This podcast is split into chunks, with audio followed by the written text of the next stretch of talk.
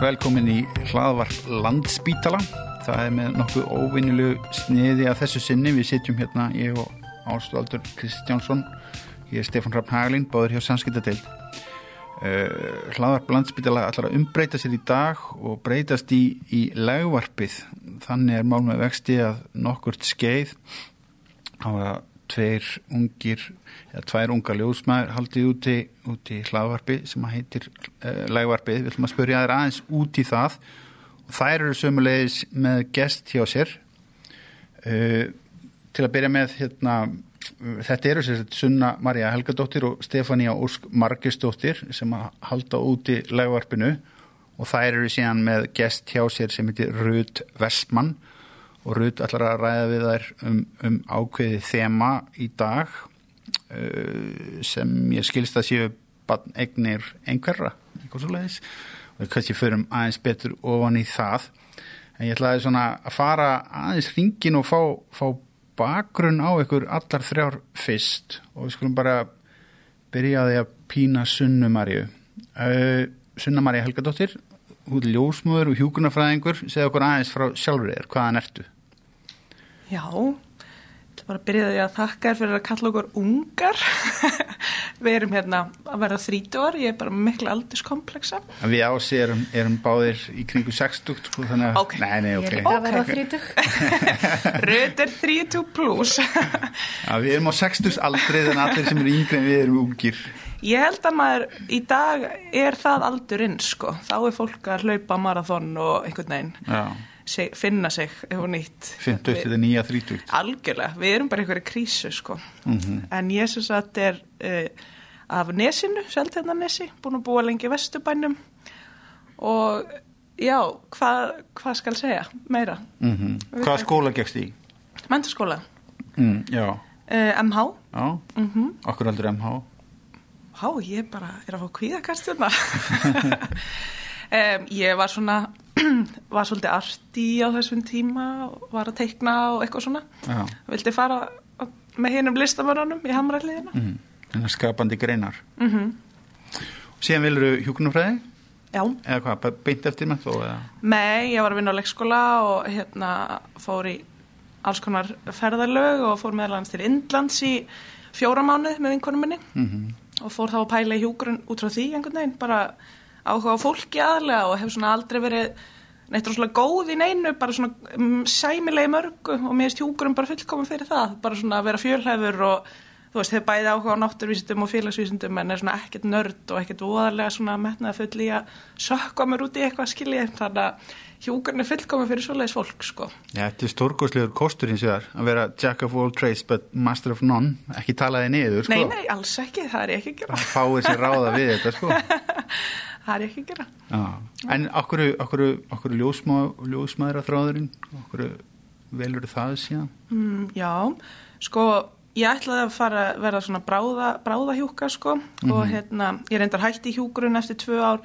var alltaf eitthvað svona endur skilgræna sjálf og mig, fór í myndlist, kom aftur, eitthvað svona, og þá var ég að spá ég að, hérna, eh, verða ljósmóður í gegnum listina, mjög klísjukent, en ljósmóðurfræði er svona, finnst mér mest skapandi grein af heilbæðisvísindum, einhvern veginn, þar eru hipparnir, sko, Um, en ég fór að hérna, vinna, já, fór sér satt Þessi vinna ný líf og- kvikna. Já, algjörlega. Og bara svona, er allt frá rátt einhvern veginn og, og svona, þetta er kjarnin sko og hérna ég fór að vinna á vökudeildin eftir þriði ári hjúkurinn og fattaði þá að gjörgæslu umhverfið var ekkert að henda mér neitt rosalega vel en mér fannst svona gaman að vinna með fóreldrónum einhvern veginn í þessu og þannig að ég valdi mér að fara á fæðingadeildin á Akureyri á fjórða ári í hjúkurinn og fekk þar að sjá þrjár, vera með þrejum fæðingum og fekk bara bakteríuna og þú veist það var ekkert aftur snúið einhvern veginn og ég var í mótþróa í svona tvö ár og fór að vinna á Slísó og það var endar mjög gaman og, hérna, og, og styrlað einhvern veginn en hérna, ég einhvern veginn náði ekkert að hrissa þetta að mér og, og svona hreinskilni sagt þá var verið að breyta náminu yfir í mastersnám og þetta var síðasta hol sem að Uh, af, gaml, af gamlu típunni sem sagt hollið okkar í ljósmáðufræðinni og mér langaði svolítið að stökka bara á vagnin áður en ég þurfti að fara að framkama mastersansókn í rauninni sko þegar ég er ekki mikið fyrir rittgerðir og, og rannsóknarvinni eða þú veist, mér langaði bara í starfsréttindin en ekki í akademíu partin sko. Þannig að hérna ég ákvað einhvern veginn að kýla bara á það þannig að 2018 um, og já, bara mér finnst þetta bara, bara gegja sko, þetta er mikið svona one on one, þú veist eins og á slið svo ertu með 17 bolta á lofti alltaf og horfir ekki í augun á neinum og einhvern veginn ert ekki, skiptir einhvern veginn einhver máli en maður er svo mikið að sinna bara einu par í einu, þú veist sérstaklega í fæðingum og svona og mér finnst það bara algjör heiður og forutindi og þú veist þetta er bara merkilegustu stundir í heimi einhvern veginn og að fá að vinna í þeim er bara alveg geggjað sko. En svo er ég líka bara, er ég búin að vinna mikið með úrlingum og hérna var að skrifa um kynheilbreyði í ljósmáðfræðinni sem að er ekkert ekkert svona basic, þú veist, á Íslandi að, að heilbreyðstarfsmenn séu mikið í því þannig að ég einhvern veginn var svona að tvinna það saman og fór til Svíþjóðar í verknám og á svona ungmennamóttöku og skrifaði lókaritt, gerðum eitthvað svo les og kannski get ég opna ungmennamóttöku einhver tíman, kynheilbreyðsmóttöku hérna á Íslandi. Mm. Það væri draumurinn. Mikið lástriða. Já, það má segja. Það er ekki endilega sjálfgefið að fólk sé ástriðið fullt fyrir sínum verkefnum í vinnunni. Nei. Það er lúmst algengt hérna á landsbytala fyrst mér.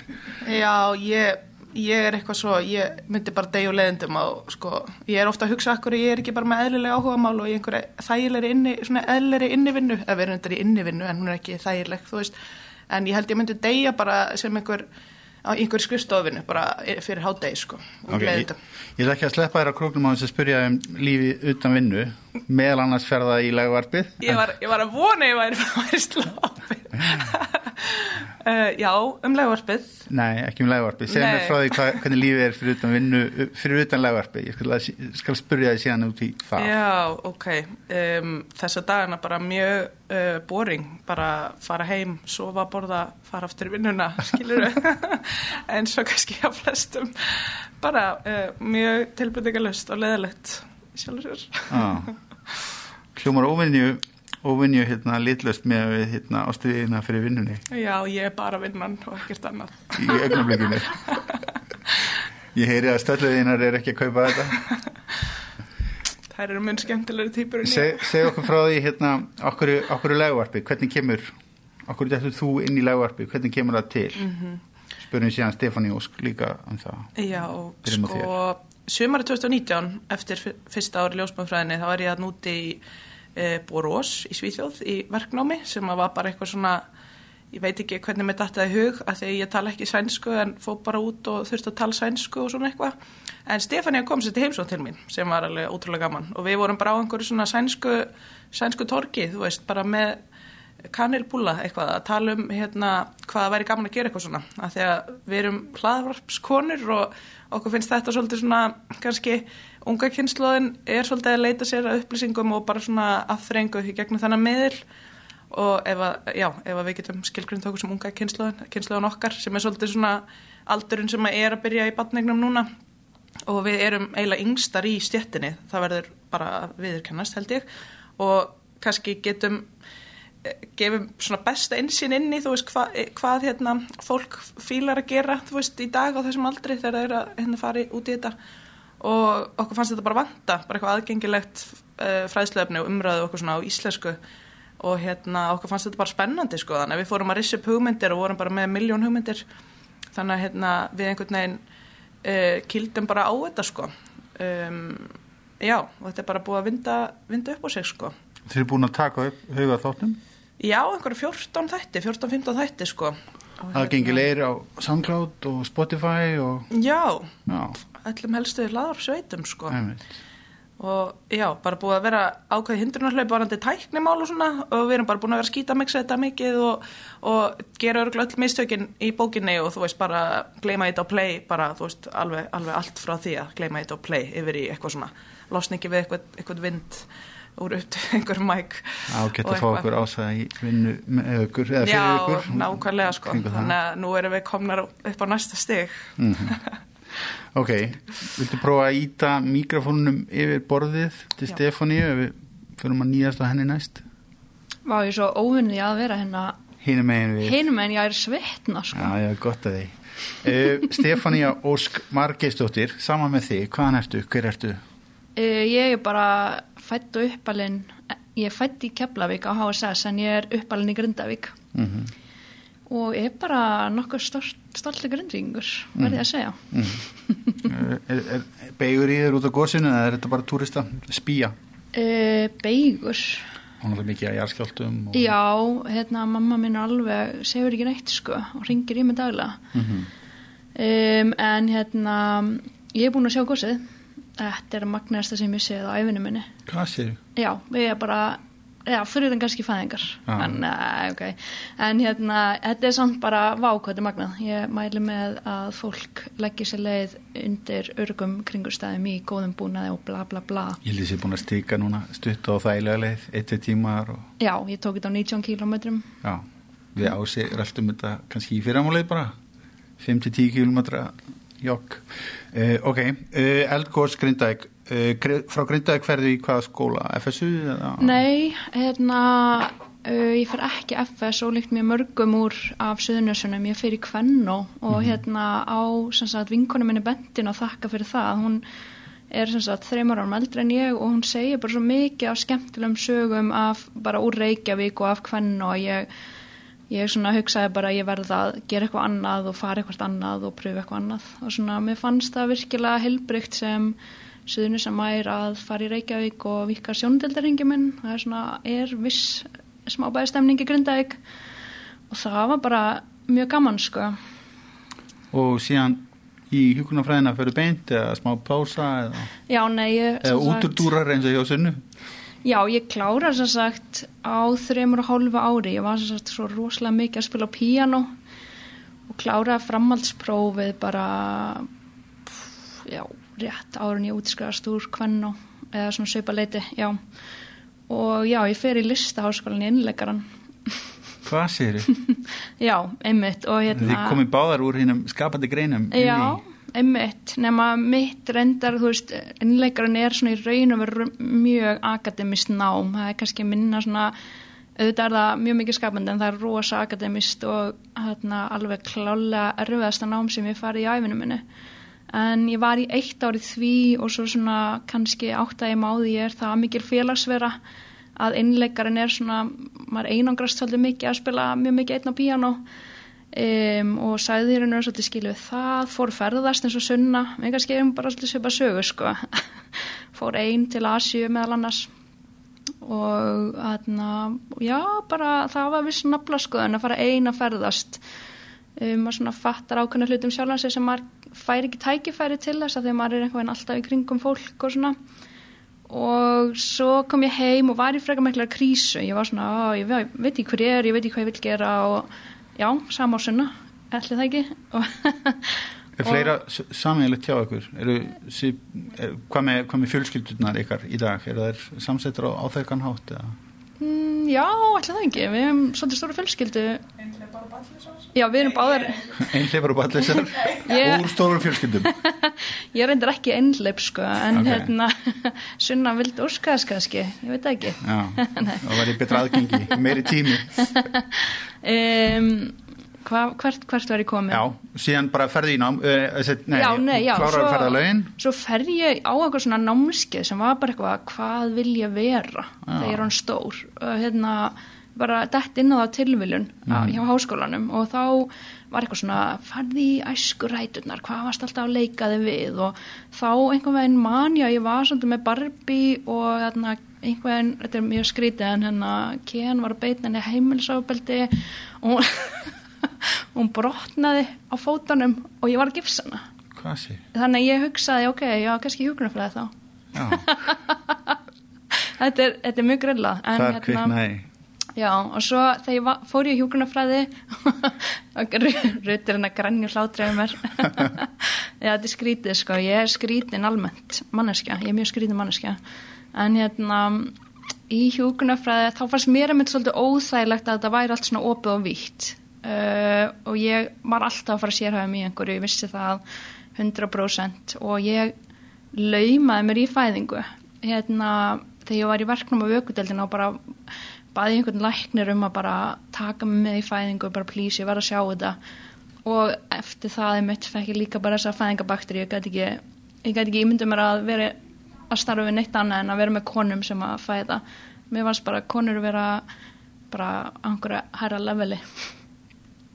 Þær, Ok. og þær eru það ok, hvar, hvar eru þið að starfa? Hvar, veist, hvar eru þið núna og hvar hafið þið verið? Um, ég beint eftir útskrift þá fór ég á HSS sem er svo satt þar sem ég fættist og var meðal annars að vinna með ljósmórun sem að tók á móti mér. Með að það svo geggja sko, hún er alveg að komast á eftirlega aldur.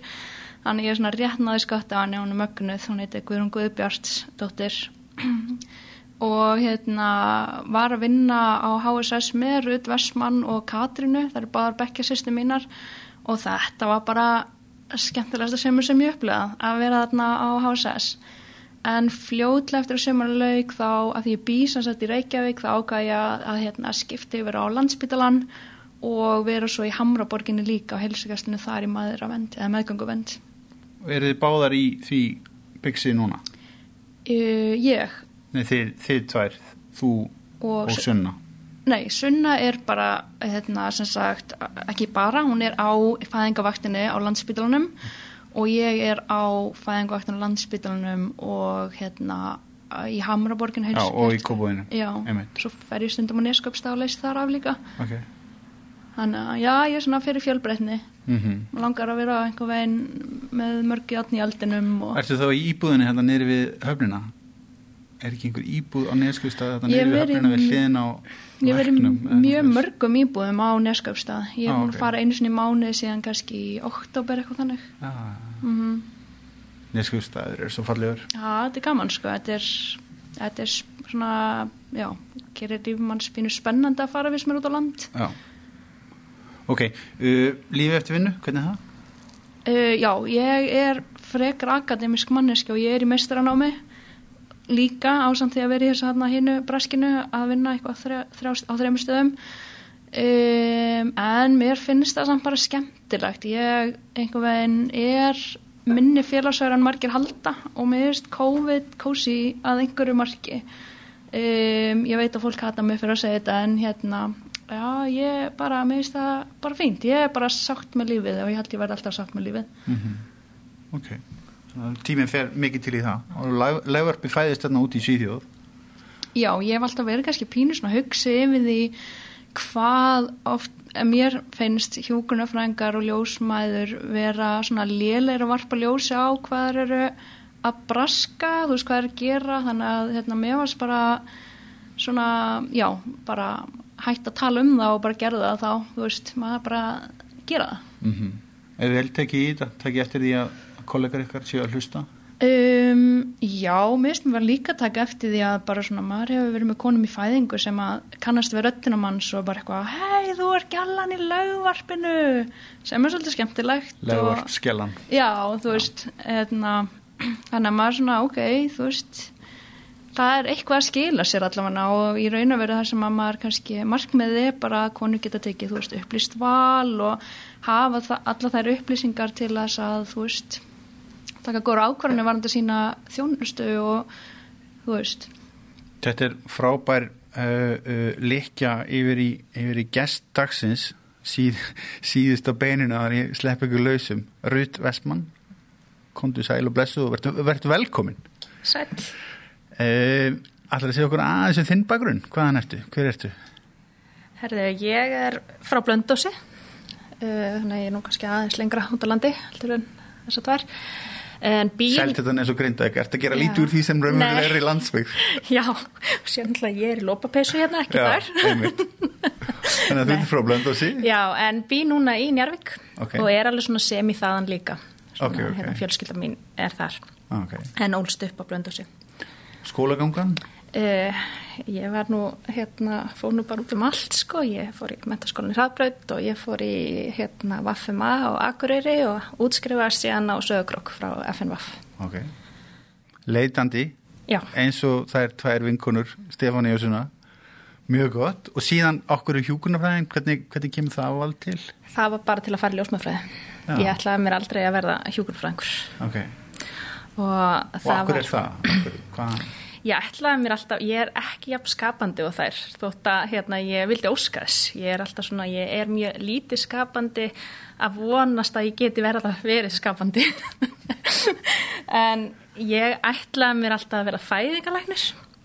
en svo átti ég drengina mína 2009 og 2011 og þá svona átti að ég mig á því bara nei, herri, þetta er það sem ég vil gera ég vil ekki vera læknirinn sem kom inn held, kanns, þú veist, ef að það var eitthvað að sem að hérna var heldur vildi ég vera í hinnustarfinu sem ég fannst bara miklu meira heillandi fyrir mig betra og þjættara utanumald meiri já, nánd meiri nánd líka, já, heimitt og að geta fengið að vera og ljósmóðurinn sem að var í yfirsettu við á batninu með tvö þú veist, við spjöllum saman 8 klukkutíma og Stella sem er að vinna á fæðingvaktinni mm. og það var svona einhvern veginn, þá hugsaði ég bara þú veist, þetta er eitthvað, þetta samband sem hægt er að mynda við konu að það var eitthvað sem ég fannst mjög svona áhugavert. Þú klárar hjúknarfræðina og ljósmóðurfræðina hvenar? Uh, ég klára hjóknumfræðina 2017 uh, og sem sagt tók eitt ár í vinnu þar sem ég var að vinna á meðgang og sænguledeldinni og sem skólahjóknumfræðingur og fór svo hann í ljósmáðfræð með þessum tveim mm -hmm. Sem byrju fyrr Já, lífi utan vinnu. Það er kannski aðeins frábröðið eh, þeim, ég er með þrjú börn og hérna nóg, nóg af svoleiðis hlutum að Já. gera þannig að e, það er kannski ekkert eitthvað rosalega rólegt og kósi heima. Þrjá orma sem eru hvað, tekja, þryggja, sex og tíu eða eitthvað Já, það er fjagra hérna, átta og tíu. Nei, nei nýju allir. Það er rosalegt sko. Þannig að hérna, og, og svo erum við með einn ein hund líka. Já. þannig að það er alveg nóg að gera. Hvernig hund? Golden Retriever. Þannig að þú kjarnar þig, ferðið einn út að ganga með hann? Já, já. Með lægvarpi kannski í erónum eða stundum. Já, við verðum allan að ljúa því að stelpunum. Það er mjög gott, ég ætla ekki að, kvelja ykkur frekar. Ég ætla, ætla að afhenda sunnu hérna mikrofónin minn og má ég segja eitt? Já hérna að ég með liður smá skringila með þetta Ken og Barbie dæmi en það, það var ekkert heimilsofbeldi hjá mér eða fólk er eitthvað ætla að hafa verið eitthvað heimilsofbeldi hjá Stefáni? Já, það er svona hlutverkuleikur en Já. er þetta ekki bara meira eitthvað svona sem þú pikkar upp úr? Já, ætla bara á hérna, leðrætta það en að fólk hérna heim eða sem er að hlusta segja ekki eitthvað svona guðminn góður. Hvað hefur verið í gangi á þessari? Gellan í, í í legvarpinu með Ken og Barbie. Já, þeim er alveg hlægja sko. Ken og Barbie konan. Sunna uh, þú fær hérna mikrofónin og, og, og allir ekki sniðugt að spurja Rauð bara fyrsta spurning áður ég aðfindi þetta yfir uh, hvað komstu hérna til þess að ræða um? Uh, um lokaverkefni mitt í ljósmafræði sem að fjallar um ummunna þarfir að kvenna í ljósi reynslu þeirra af barnegna ferlinu heiðstutta og þjála. Já. Um, Æðislegt verkefni. Við náttúrulega fengum að heyra alltaf svona af og til í gegnum hérna námið af, af, af þessum málefni held ég, en mér minnir það Jú, þú varst eða frá fyrsta árið svolítið svona búin ákvað og ætlaði að gera þetta ég mætti því. og vann alveg undirbúinisvinnu í því bara í gegnum lítilverkefni í gegnum námið. Ymmiðt, mér langar að byrja að spyrja bara svona hvaðan sprettur þessu áhugið? Sko, náttúrulega grunnurinn er náttúrulega á, er það að drenginu mínir eru báðir einhverjur og þannig að ég er svona kannski búin að lifa og rærast í þessu umhverfi og, og í alls konar hópum og, og svona á netinu og hérna bara í síðustu átt ár. Og hérna síðan og þar hef ég rosalega mikið orðið svona var við það að það er rosalega mikið, öllu er svolítið beint að sko einhvern bönnum eða fóruldrum einhverja banna en það er að lítið tala um fullorðna einhverja einstaklinga. Og þú veist hvernig við erum að mæta þeim sem samfélag. Þannig að um, svo bara þegar ég byrja að vinna á meðgang og sangulöðdeldinni og, og síðan í náminu mínu Eh, eftir að ég byrja námi og á þá öllum deildum að þá svona verð ég bara var við kannski allir er að gera sitt besta en mér fannst þessum konum ekki alveg vera mætt samt eins og, eins og þær þurfa. Uh, jafnvel kannski mætt með örlittlum fordómum þú veist út af því að bara út af starfsfólk kannski skilur það ekki alveg og síðan svona fór ég svona að skoða í kringum mig og þá virtist þetta að vera reynsla einhverju að kanna að hérna, þær um, voru ekki að upplifa barnegnaferðli vel og að stórun hluta hvernig umununin er uppsett fyrir þær mm -hmm. og þá bara ákvað ég að fara að skoða þetta betur Algjörlega Sko, ég er hans að hugsa, væri þú til að segja okkur bara aðeins, aðeins frá því hvað einhverfa er? Já, ég hérna Það kannski er ekki, kannski vita það ekki allir.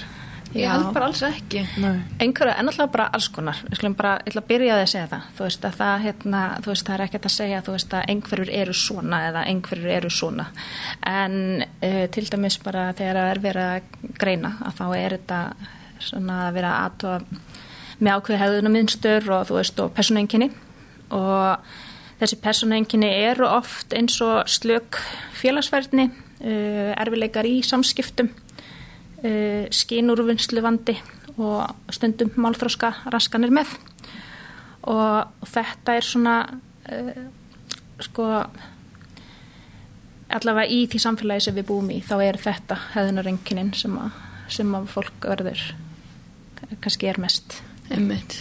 Og er eitthvað vitað svona af hverju Nei, orsakir eru bara að mestu óþægtar en sko það er talið að erður leiki þar svona staðista hlutverki Mhm. en, en það er ekki, ekki búið að finna að það er ekki ekki Já. að mér vitandi allavega. En svo, þú veist, maður þekkir þessi orð eitthvað svona dæmigerð einhverfa og ódæmigerð einhverfa og Asperger og eitthvað svona, þú veist, er þetta bara alls konar ólík hugtök yfir bara alls konar, eða þú veist Já, sko, það er búið að tala um það í mörg ár og hérna, en svo verður, eh, svo verðist aldrei verða að því, eins og með margt annað. Að það er búið að tala um að breyta þessu, þú veist, maður hefur heyrt það svona út undan sér, um, en uh, þetta er, ég held að það sé bara afgetta ef að, ef að maður er að sinna, þú veist, konu sem er uh, með asperger eða er einhverf eða að þá skiptir ekki öllu máli hvort hún sé ódæmigerð einhverf, dæmigerð einhverf eða asperger að þá bara hérna er gott að hafa þessa hluti í huga að það getur verið skeinurúnsluvandi sem við þurfum að taka til til eða samskipta um, bara nota önnur samskipta áraði Akkurat. En hvað er eins og, þú veist, það að vera með einhverfu, er, er það, þú veist, er það það er greiningaferli sem að fólk fara að gangi gegnum til að fá þessa greiningu og, og svona, þú veist, er það yfirleitt svo leis? Eða, Já, sko um, það er reyndar uh, þannig að, að konur eru ekki alveg á sama stað og, og gallar í því. Uh, stelpur eru síð uh, setna og síður greindar einhverjar heldur en strákar. Uh, áður var að tala að þetta var einhver uh, algengara hjá strákum og mögulega er það þannig. En það var gerður rannsóknin á Íslandi. Uh, bönn, hérna mann ég ekki alveg hvernig Ekki 94 til 98 eða eitthvað? Jú, jú, þú lastrið gerðin og hérna og þá sem þetta var þannig að einhverju greiningum fjölgaði eftir því sem áleið að rannsókninni. En ekki e, greiningum hjá strákunum, aðlega stelpunum. Því að þá var verið að breyta greiningum við mögum. E, stelpunar eru e, síður með þróskaskreiningu heldur en strákunir og hérna þannig að það geti verið einn þáttur þessu. En svo líka annar þáttur sem er líka er að bara læknisfræðin eh, hefur í mörg mörg ár tekið rosalega mikið mið af köllum en ekki konum. Og enginin er ekki, eða hegðunin hegðuna minnstri kemur ekki alveg einsendilega út hjá stelpum og strákum og, og þannig að það er búið að taka kannski mið af hegðunar enginum hjá strákum þegar að vera að greina stúlkur. Þannig að mögulega geti það líka verið ástæða fyrir því að, að hérna, greiningum fjölga hjá stelpunum.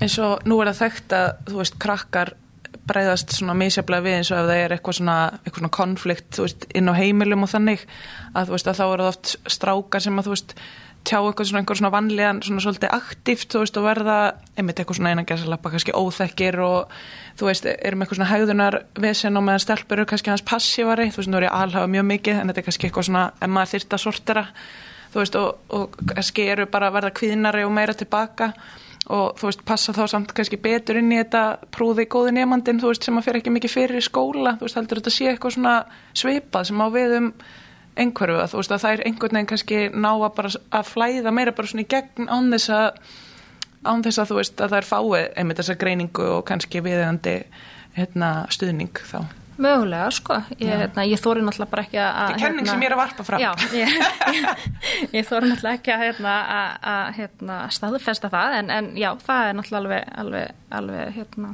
mögulegi. Já.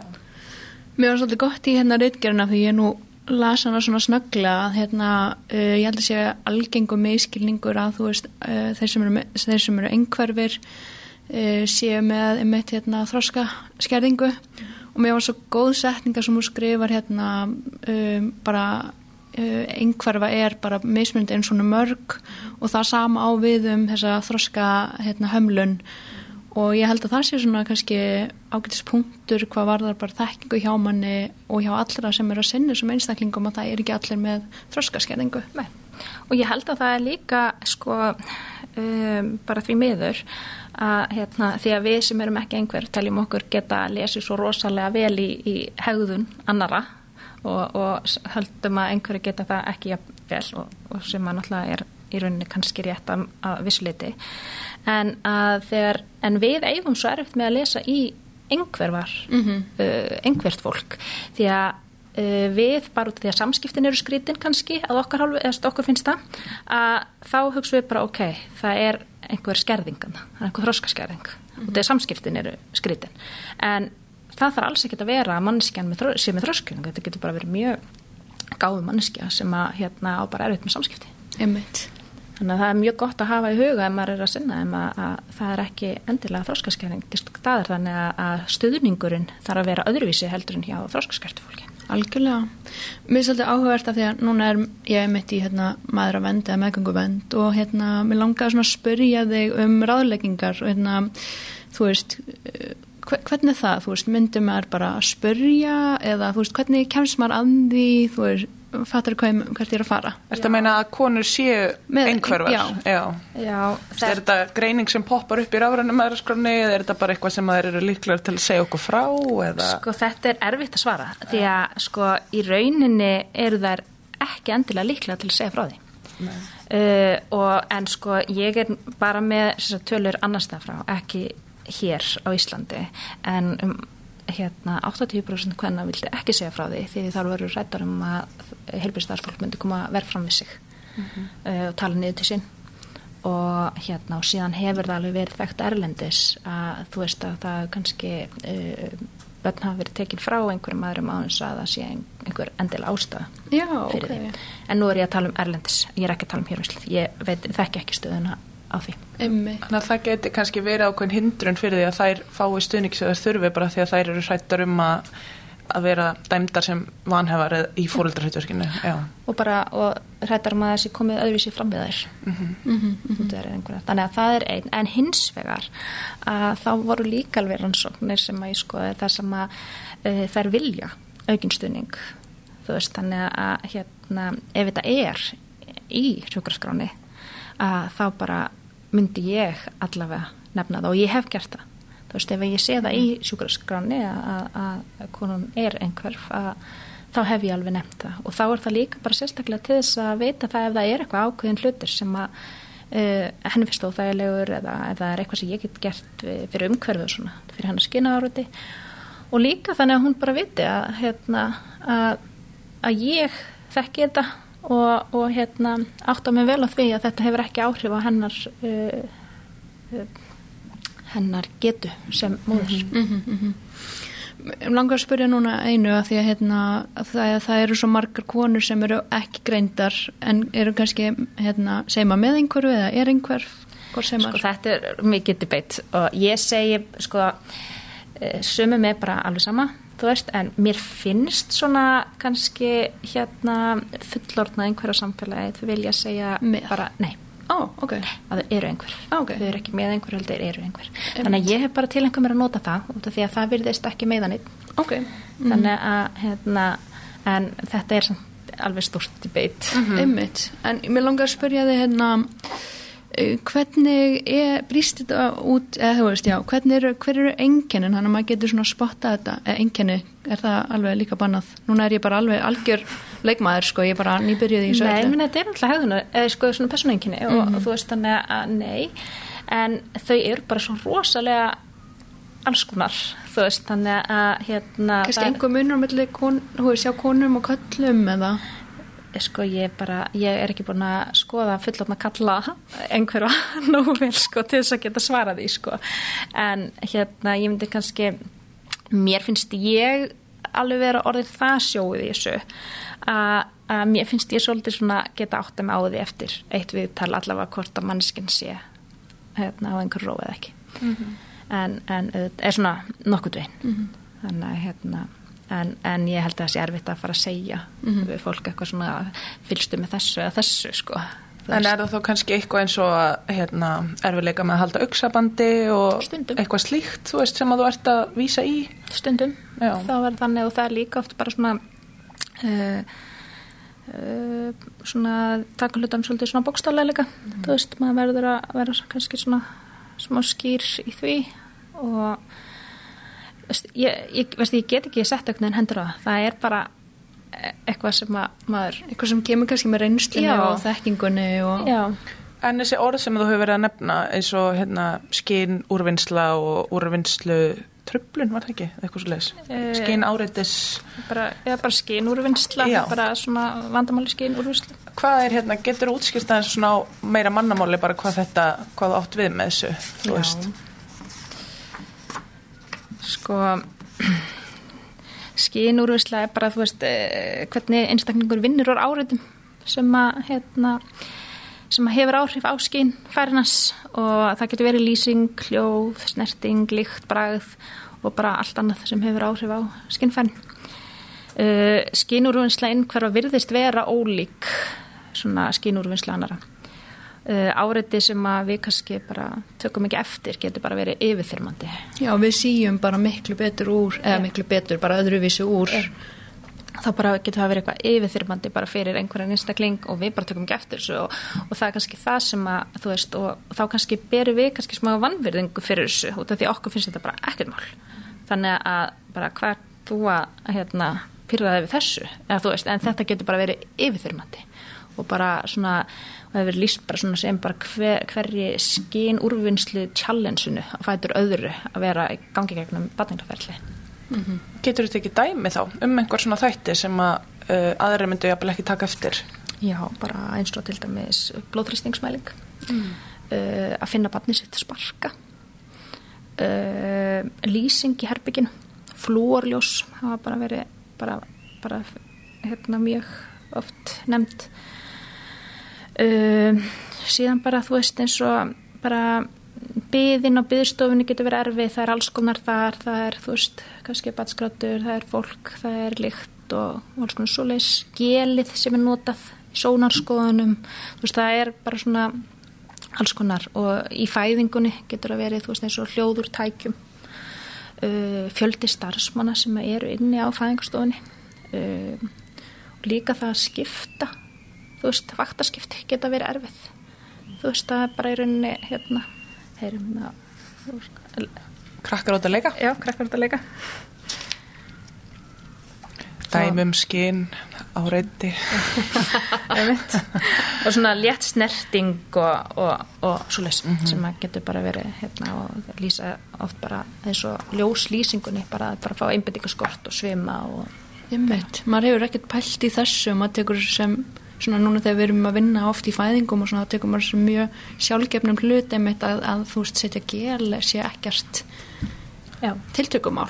Líka, þú veist, allar þessar snertingar að því að þú veist bæði eða þú veist að fara í maðuraskoðun eða sónar eða eitthvað þannig og ég tala nú ekki um í fæðingu, þú veist, þetta, þetta felur mjög oft í sér einhverja snertingar, þú veist, frá ljósmáður eða einhverjum öðrum og eh, hérna þú veist, eh, maður getur ímyndað sér allt sem það er, þú veist, að kannski að vera fæstur í mónitor eða hlusta á fósturhjárslátt og mæla blóðursting og þarf kannski að fá æðarleg eða tengja blóðpröfu eða eitthvað og svo auðvitað allar þessar innri skoðanir og bara saumaskapur og allt þetta dót, þú veist, þetta er náttúrulega svo, svolítið svona intense snertingar fyrir, fyrir bara hvert sem er og hvað þá að þú ert átt erfitt með snertingu sérstaklega ef það er einhver sem þú þekkir ekki og, algjörlega, núna þegar ég hugsa tilbaka þá er ég mjög gjörn á að taka hérna, blóðþrýsting, hita og púlsmölar allt á sama tíma sem er örugglega mjög mikið áreiti fyrir konu sem er, hérna, er einhverf og þú veist, ef að maður er kannski að reyna að mynda myndi einhver tengsl, þú veist, við, við konuna að þú veist, þá kannski verið að leggja hönd bara á öxl eða byrja eitthvað að nutta eða gera eitthvað, þú veist, eitthvað sem mann finnst sjálfsagt og kannski átti sig ekkert á því að þetta er kannski bara stór mál fyrir viðkomandi. Já, ummitt. En þetta er erfitt. Þetta er, þetta er vand með farið, sko. Já, akkurat. En það er samt alveg bara, þú veist, ágætt að hafa þetta í huga Mm. og þú veist, þú sérstaklega maður veit og þá er líka bara alltaf að spyrja. Þú veist, finnst þér Mhm. óþægilegt að, að, ég, að ég kem við þig, skilur, en kannski finnst þeim það bara Mhm. eh, hérna, þægilegt. Það er, þú veist, það er ekki allir eins. Nei. En bara svo maður gerir sig aðeins grein fyrir því hversu óþægilegt þetta er að það hafa alveg einhverja konur sem að hafa gengið gegnum fæðingu líst sem sagt skín áritinu sem verri sásöka heldur en sásökin í fæðingunni sjálfri. Einmitt. og ég held að þær konur sem eru ekki einhverjar geta bara ekki einhvern veginn ímynda sér að það sé Já, í rauninni raunin en þannig upplifa þær þetta Og, og þú nefndir hérna, eins og svimi og yfirlistilfinning og svona eitthvað. Og, og, þetta er, er bara svona getur verið persónubundið, þú veist hvernig vanlíðanin brýst fram. Alg, algjörlega. Þú veist, er þetta með dæmi um eitthvað fleiri enginni eða þú veist hvernig þetta lýsir sér? Að bara, bara svona kannski áreitis overload. Já. þú veist bara, e, þú hefur örgulega einhvern tíma verið í aðstöðu þar sem að bara er endalist áreiti og þér langar bara að komast maður þarf bara einhvern veginn að rífa sér lausan og og komast eitthvað út í súrefni anda eða eitthvað. Kaffistofan á fæðingavaktinni. Og þeim líður kannski þannig undir miklu minna áreiti. Já, þannig að kannski svolítið svo les Þetta er svona minni með pínu á, þú veist, hérna ADHD Já, að, að einhverju leiti, þú veist, þessi lýsing af því að uh, ég mitt, ég svona já, ég er svona hugsa oft til þeirra þegar þú veist hvað var þessa lýsingu. Og það er náttúrulega líka, þú veist, einhverja einstaklingar er oft með aðrar greiningar. Og ADHD er svona ein fylgigreining einhverju. Mm -hmm. uh, ásamt uh, eins og flóaviki, þunglindi og kvíða. Já Veist það líka ef maður er að hugsa um þetta barnegnaferli, þú veist, bæði að fara í maðuravend og eins í, í fæðingu og eftir fæðingu, þá er, þetta, þá er ég ofta að hugsa hvað þetta er ótrúlegt hérna overlót af upplýsingum sem að við erum að hella yfir fólk. Og ég veldi oft fyrir mér hvað bara mikið, hvað mikla prósentu af upplýsingum og fræðslu fólk getur meðtekið, þú veist, þegar það er bara í þessum nýju aðstæðum og við erum að segja hlutina í 5000. sinn, útskýr eitthvað. Og þú veist, ég bara veldi fyrir mig hvað virkilega situr eftir. Og þú veist, hjá bara hverjum sem er og kannski fólk sem er einhvert og er þú veist líka kljást við allt sem þú veist að lýsa, þú veist kannski þetta mikla áreiti og er í þessum ljósum og það er kannski eitthvað hljóð og, nýmanniska og, og allt nýtt eitthvað neginn og eitthvað sem fyrir tögunar á þeim. Að ætla að fara að læra hérna um þú veist brjóstakjöf eða eitthvað, þú veist nýbúin að ganga gegnum þetta allt saman og veist, ofan og allt annað sem er eðlilegt eftir fæðingu, þú veist bara þreita og hérna spennufall og allt þetta. Að þetta hlýtur að vera svolítið mikið dæmi svolítið og getur örgulega auðvitað orðið að er, erfiðri upplöfun sko. Get ég myndað mér? Og ég get alveg líka sko hugsa eins og, og ég, ég hef engar tölur þarna en þú veist að mér svona það er e, e, konur sem að ég talaði við, hef talað við að hérna, stór hluti af þeim hefur leita mikið í svona samfellu í þjónstu og fætt heim hjá sér. Mm. þannig að þú veist ég held að uh, margar þeirra séu að forðasta að fara á spítala þar sem eru vaktaskipti þar sem þú veist ekki hverjir komin í herbergið endilega ef að það er eitthvað. Það er bara svona, ein manneskja og eitt Já. umhverfi. Já, kannski bara sama manneskjan er búin að vera sinna þær í maðuravendinni og þú veist, og kemur síðan líka í heimatjónustuna þannig að þær hafa mín tilfinning er svo að þær eru svolítið að sækjast í þetta Ég lasi mitt í hérna, sem ég var svo áhugavert í reitgjöninni að það væri talið að konur uh, sem einhverja konur væri með herri sársöka þröskuld heldur en konur sem að Já, eða sko eh, ekki endilega að það er ekki endilega talið heldur uh, var sér sagt að það er svona eins og það er að það er hvart að minna undan sáskonum mm. og þá var bara mín pæling var skiluru, eru þær með herri sáskaföskuld, mm. er þetta samskipta uh, mm. Já, náðar ekki að tjáða við uh, helbristarsmannin sem sinni þeim uh, hversu mikill sásökin er. einmitt. Þannig að ég, en ég veit ekki ég veit ekki hvor er. Sko mér maður alveg að hafa heyrt í einhverju svona heyrt í svona slengt fram að hérna að uh, ákveðin hópa kannski á erlendum konum sem að eru svona eina gæsalappa bara hálf málusar hjá okkur kannski af því að það er það miklu tungumálurleikar Já. að það er verið að snú bara kvarta mikið minna undan fæðingaverkjum og allt þetta bera sér svo vel og eitthvað svona að, en að það hlýtur að vera bara af því að það er, er ekki með leðirnar til þess að tjá hvernig þeim líður eða kannski koma úr einhverjum kultúr þar sem að þú veist maður á bara að vera svolítið proper og þú veist ekki að missa stjórn á sér og eitthvað svona. Það veist þetta kannski líka getur verið eitthvað, eitthvað sveipað þá ég sé ekki að byrja þetta saman en akkur þetta bara að hafa ekki leðirnar til að tjá hvernig þú hefur það Já. með einhvern sem á bara mjög gott með að segja þú veist, frá verkjum og hvernig þeim líður og hvað þeir þurfa að þá ertu kannski svona aðeins læstar inn í, inn í líðaninni þinni. Þannig að það er kannski eitthvað sem að maður þarf að hafa í huga þú veist, Já, fyrir þessar konur. En eins og það, hérna, þessi rítgerð sem þú gerðir, hvað, hérna, hvernig varstu að gera rannsókn eða varstu bara að rannsaka aðra rannsóknir eða hvernig virkaði þetta? Þetta er bara samantækt, fræðileg samantækt rauninni, uh, og það eru bara erlendar rannsóknir. Uh, mikið búið að gera í Kanada, Ástralíu, veist, og líka Japan, okkur svona þar er svona aðalega búið að vera að skoða þessa hluti, það er og aðeins í Breitlandi, minnum mig. Uh, það er ekki hægt að finna mikið á öðrum löndum sem eru Nei. búin að vera að skoða þetta um, og þetta eru all lönd sem eru bara með svona, það sem flokkast kannski sem skilvist tilbrískerfi eins og Já. við, þannig að það er kannski alveg hægt að miða sér aðeins Algjörlega. við þessu lönd. Viltu ekki bara koma í mestaranámið og Framkvæma henni íslenska? framkvæma en íslenska rannsók? No comment. Ég ætlaði að gera það og skráði mig í haust en síðan bara var ómikið að gera hjá mér og ég ætla bara aðeins að láta það á. Ís. Ég er bara djókið. Þér. En það vantar samt klálega. um, finnst þér eins og þessar uh, þess að einhverja konur þurfti bara að sérhæfða, þú veist, umönnun í batningnaferlinu eða Nei, mér, finnst þér að ljósmaður þurfti bara frekar að já, já, bæta sig? já Ég er ekki bara ljósmaður, þú veist, ég er náttúrulega ekki bara að tala um ljósmaður, líka bara lækna sem að sinna þeim og, og annað starfsfólk og bara sko ekki endilega bara í batnenda ferlinu, bara öllu hilbrískerfinu.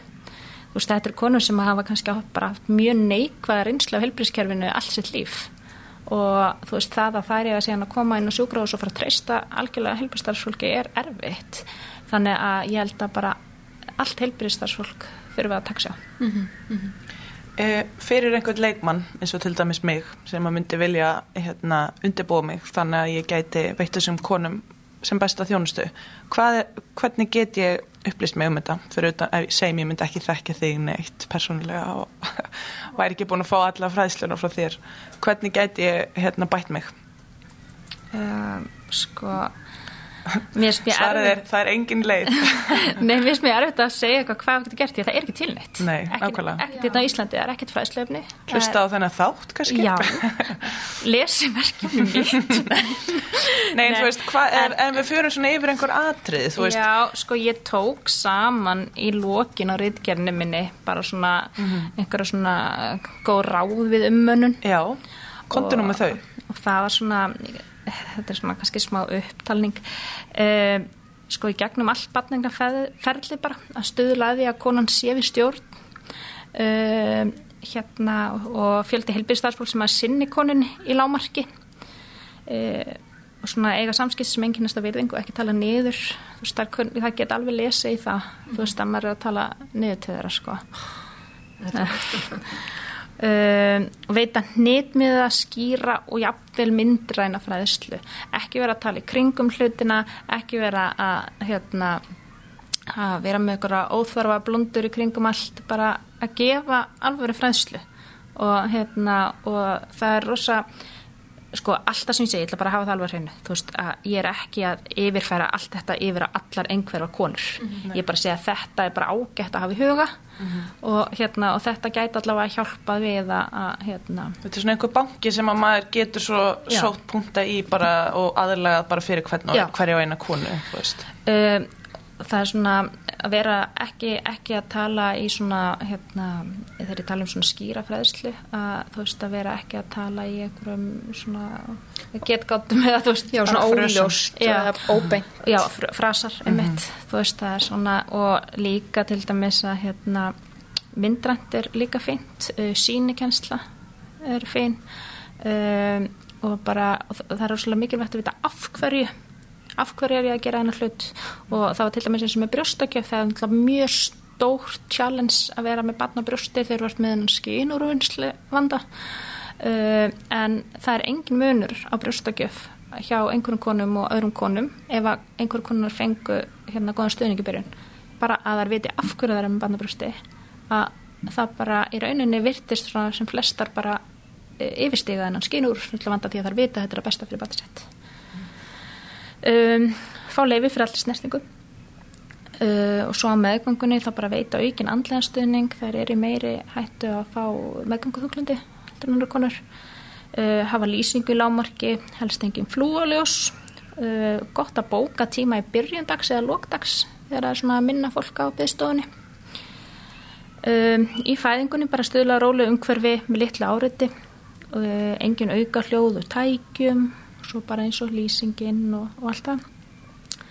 Uh, líka svona við erum svolítið oft gerðan að nota ilmkjarn og lögstöndum í fæðingu fá leiði til þess, það getur alveg farið mjög illa. Og svo bara finna leið, góða leið í samræði við konu að hvernig hún getur tjáð sósökansinn þannig að uh, í sangulögun er líka að veita aukin andleganstöðning því að hérna fæðinguþunglindi er uh, líka uh, bara þar eru hvað einhver ansók sem að ég skoðaði var þetta 58% einhverja hvenna kljóst við fæðinguþunglindi um, og það er náttúrulega þú veist það er náttúrulega ymsar ástæður fyrir því. Það er náttúrulega búin að svona kannski þurfa að yfirstega stærri hindranir heldur margir, ekki hann lífsleina uh, náttúrulega eina hverjum fjórum konum eða eitthvað hefur uh, orðið fyrir óbeldi að einhverju tægi um, en það er mun hærra hlutvall Já, eina hverjum fjórum bara almennt. Alls, mm -hmm. en það er hærra hlutvall algjörlega. Hérna, meðal einhverfa og þannig að það er eitthvað sem getur líka náttúrulega bara, það er eitthvað líkur fæðingaþunglið, það er svona alls konar hlutir. Þannig að, að gott að veita góðan andlega stuðning. Uh, og líka gott að muna einhverja mæður ber að hafa barnan sinna, ekki síður fyrir brjósti eldur en aðra mæður. Og það var líka rannsók sem ég skoðaði að hérna, það er sem sagt uh, það eru ekki frábröðunar öðrum mæður, mæðurum þegar hortið til bara foreldra virkni og að finna tækifæri fyrir börnin sín og setja þar við barna sinna uh, fyrir framann þær sjálfar mm -hmm. og veru bara alveg eins og aðra mæður mm -hmm. þar um, góðu stöningu við brjóstakjöf og, og bara síðan kannski bara stuðla tengslamyndun það er ekki, fann engar ansóknur um það en þetta er áhyggjur sem að einhver mæður lýsa sjálfar það eru hreddar um að hérna, þannig að það er ágætt að hafa það í huga sengulöginni og kannski það var líka hérna erfitt með að lesa í gráturinn eða þú veist, í svipriðin og svona hjá nýbrunum, þannig að það er kannski frekar að reyna að finna aðra leiðir í hljóðin og svona heldur en kannski svipriðin, ég veit ekki, ég er ekki veist, þetta er bara, þetta er allt mm bara svona spökulýringar mm -hmm. Enda lítið vitað um, um þetta og Já. lítið rannsakað En mér finnst svo, ég man alltaf eftir punktunum sem hún Ólufasta, hérna, kennarinn okkar kom Já. með, held ég eftir að þú kynntir niðurstöðnaðinnar sem að mér bara fann svo góður, sem að kannski fyrir utan eitthvað, eitthvað örf á að punta eins og þetta með að bóka á beðstofunni fyrir veist fyrst og síðast yfir daginn og, og kannski þessi ótti tengslamyndun þú veist kannski -hmm. fyrir utan það tvent að þá er þetta bara allt ráð sem að eiga við um allar konur Akkurat. þú veist allt þetta bara reyna að hafa sem fæsta umunar aðeila minga áriti mm -hmm. þú veist af því að þetta með ljósinn og pípinn í tækjum og annað þú veist það skiptir ótrúlega miklu að búa til bara þetta næði þú veist og rós og bara fæðingahormonin fá að, hérna, að virka eins og þau, eins og þau geta best gert til þess að fæðingin bara gangi vel og halda áfram og klárist og svona.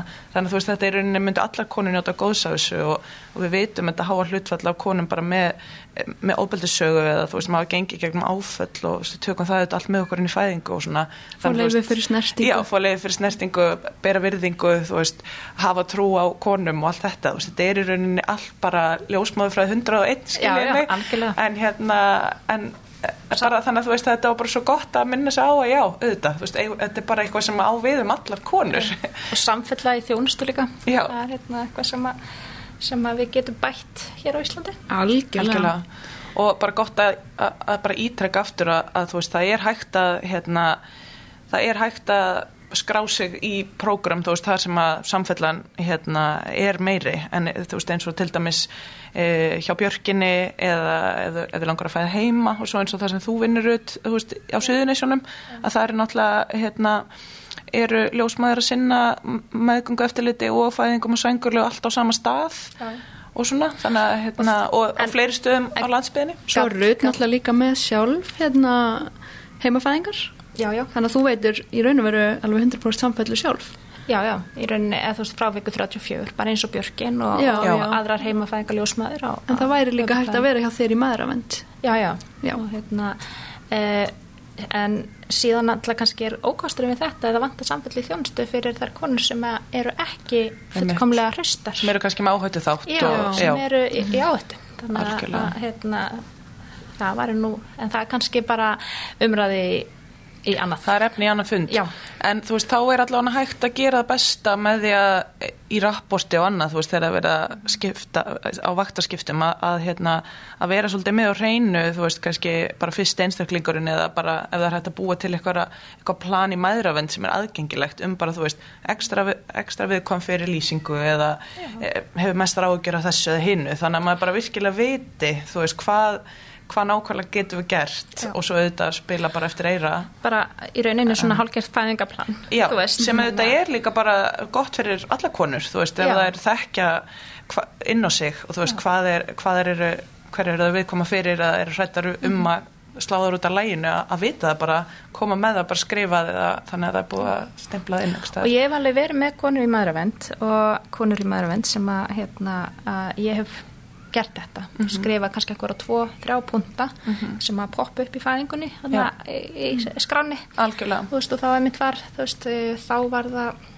uh, hefur verið til dæmis ilmgjarnóljur það hefur verið spritt. Bara, Já. þóldi bara mjög illa lyktin á spritti. Þú veist, það hefur verið svona bara alls konar veist, þetta getur verið eitthvað og það er bara hægt að setja bara einhverja þrjá fjóra punta bara eitthvað svona þannig, að, hérna, þannig að þau sem taka við henni kannski fæðingu að, þau bara já, ok, heyrðu, þetta er eitthvað sem að Og líka eins og það sem þú varst að nefna með gelið og svona, þetta er þetta ekki ofta akkurat einhver svona aukin viðkvæmni fyrir bara svona áferð, þú veist, á einhverjum efnum eða hlutum, þú veist, að, hérna, að bara svona snerting við eitthvað svona, þú veist, getur alveg, al- alveg bara slegið fólk út af læginu, sko, þannig að það er þá líka gott að vera meðvitaður um það, þú veist, svona á þessum, heimi þar sem við erum bara með alls konar dót sem er hvergi annar staðar.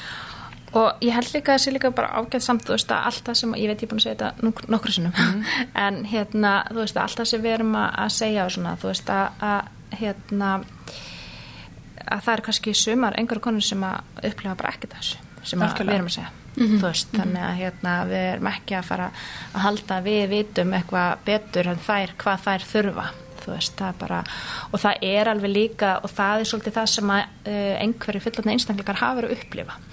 Að svona fagfólk sé að taka ákvörðanir uh, og eru bara með sína þekkingu án þess að taka inn í myndina þeirra svona upplifun og þeirra líðan uh, ég fekk einhverfa fullotna konu til þess að lesa yfir verkefni mitt uh, til þess bara aðtóða hvort að sé eitthvað sem að var meiðandi eða eitthvað sem að hérna, og hvað er flott að Þannig að- því að, að sko það er svona nothing uh, about us without us.